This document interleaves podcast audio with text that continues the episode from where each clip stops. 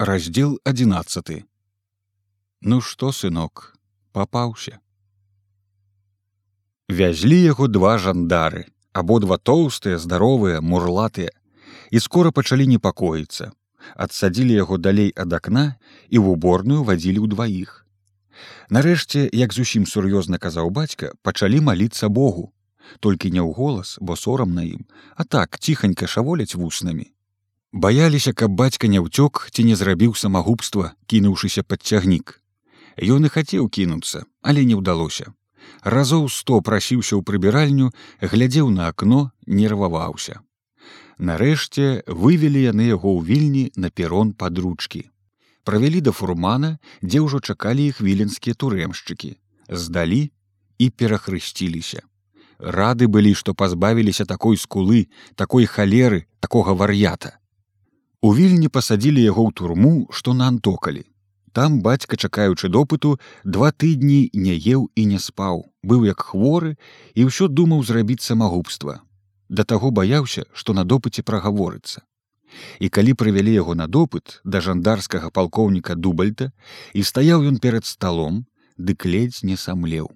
У яго так дрыжалі ногі, што ён сеў на стульчык, каб не было палкоўніку відаць, як яны дрыжаць, бо сорамна палкоўнік дубальд быў на выгляд звычайны вельмі просты і ласкавы чалавек. І нават гутаркаю сваёю нагадваў ён нібы партыйнага таварыша. Частаваў бацьку папяросамі і казаў і бога няма і цара не трэба але нельга пароць гарачку. Трэба даходзіць да ўсяго патрошку памаленьку э загаворвай ты зубы старой кабыле раптам павяселеў бацька і падумаў, што з гэтым дапытчыкам будзе яму не так ужо страшна. І дзівіўся, чаму гэта яго яшчэ на волі так засцерагалі ад дубальта. А дубальт усё частаваў яго незвычайна добрымі пахучымі папяросамі і сам браў сабе другую папяроску і кідаў недакураную. Паглядзеў на дзверы, за якімі стаяў турэмшчык, што прывёў бацьку. Прыцішыў голас і раптам перайшоў на чыстую пекную польскую мову. І пачаў шаптаць бацьку што людзі якія спачуваюць рэвалюцыі ёсць ва ўсіх станах і класах грамадства. Дык чаму ім не быць і з-паміж жандарскіх палкоўнікаў? І пасуліў бацьку вызваленне зварот на работу усякае падтрыманне і дапамогу калі ён згодзіцца весці рэвалюцыйную работу з-паміж рабочых пад яго дубальтавым кіраўніцтвам. У бацькі заныла под грудзьмі.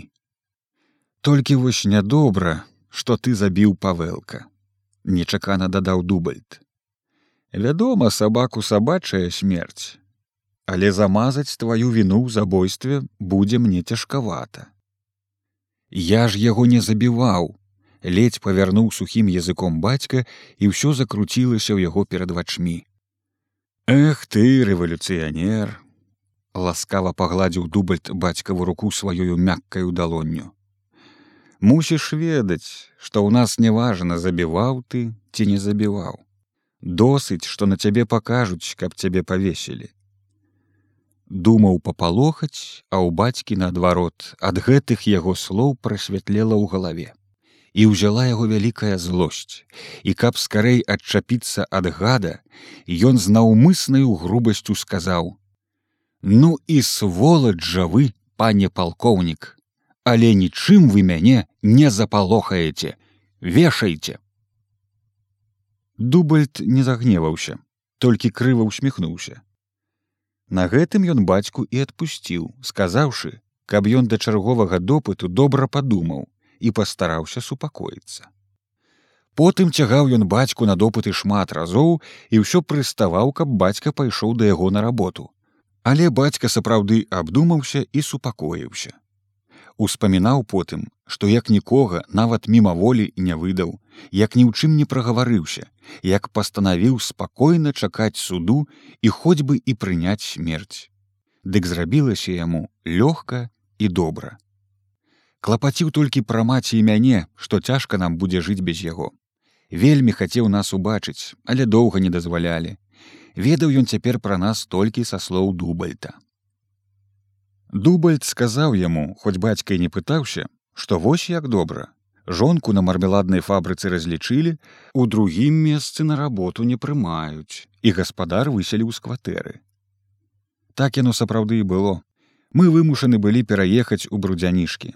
Абрам зэлікаў сын якраз пад той час збудаваў сабе сваю хату. З нашай хаты выйшаў і мы ўсяліліся ў яе.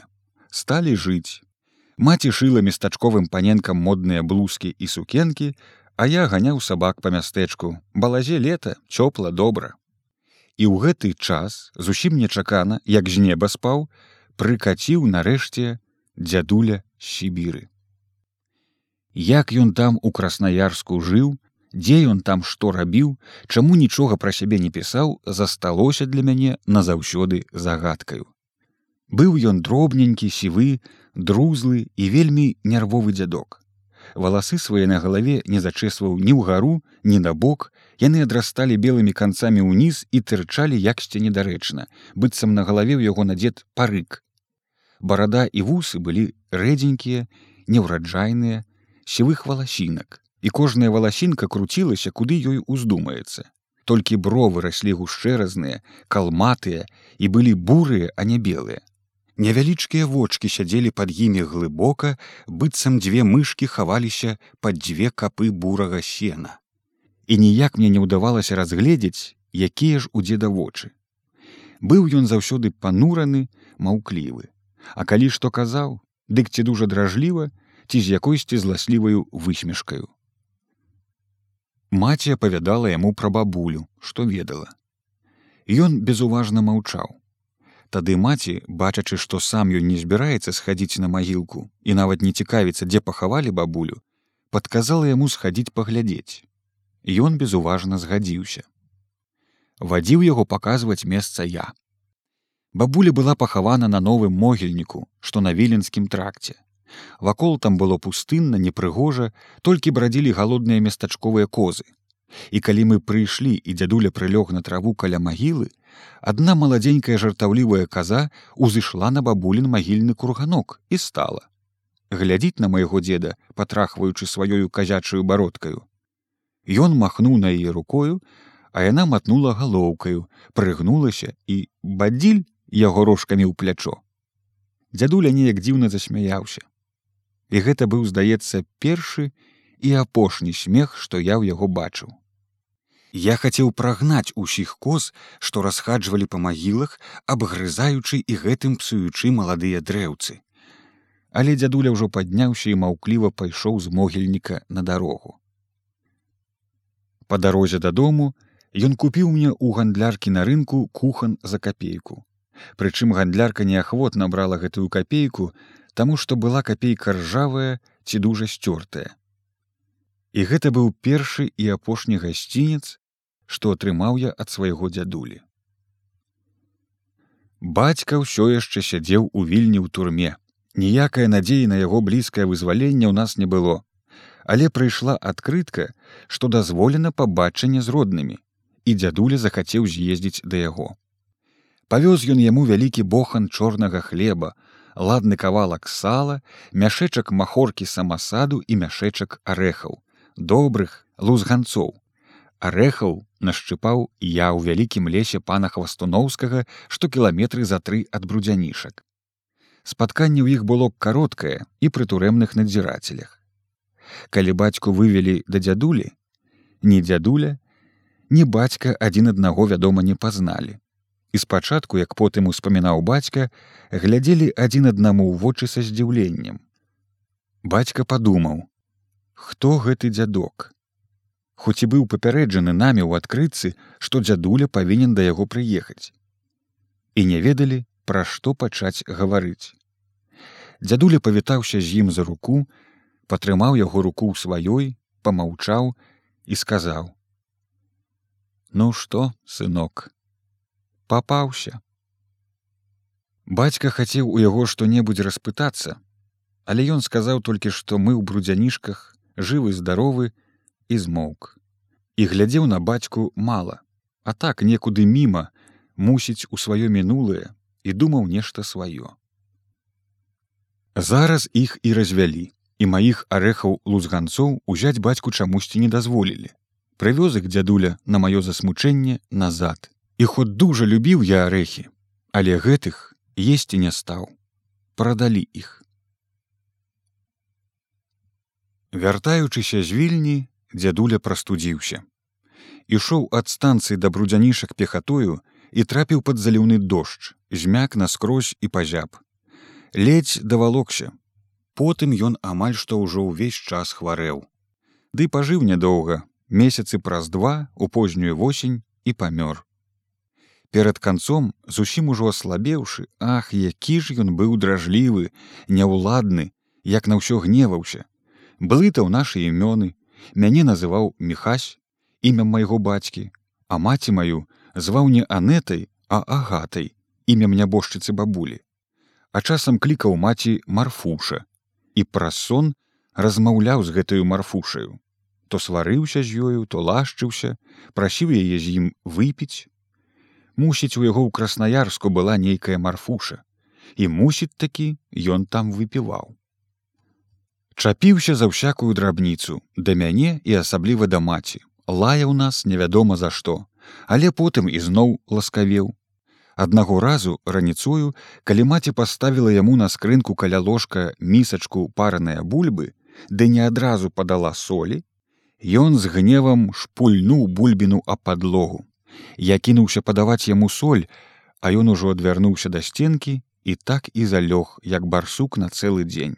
А ўвечары адпусціўся, паласкавеў і нават сказаў маці, каб не зварачала ўвагі на яго хворыя выбрыкі. За колькі дзён да смерці, калі ўжо амаль зусім і не ўставаў, раптам надумаўся ісці ў жабракоўку да свайго дзядзькі ў госці потым успомніў відаць што ад яго дзядзькі даўно і пораху не засталося і ляжаў дні два вельмі прыгнечаны. А тады неспадзявана засадзіў мяне пісаць ліст под яго дыктоўку бо сам ужо не мог пісаць ад слабасці. Пісаць ліст да нейкага яго знаёмага ў краснаярску каб выслаў яму грошы на дарогу ехаць назад у сібір. Прадыктаваў мне два-тры словы і сціх адвярнуўся да сценкі. Увечары мы пісалі, а ўночы, калі маці задрамала, а я спаў як найлепей, ён ціха, не будзячы нас і скончыўся. Пахавалі мы яго побач з бабуляю. Памёр ён увосень, а бацька сядзеў яшчэ цэлую зіму і толькі вясною адбыўся нарэшце суд. Над ім і яго таварышамі, з якіх я ведаў толькі дзядзьку Мацейковіча.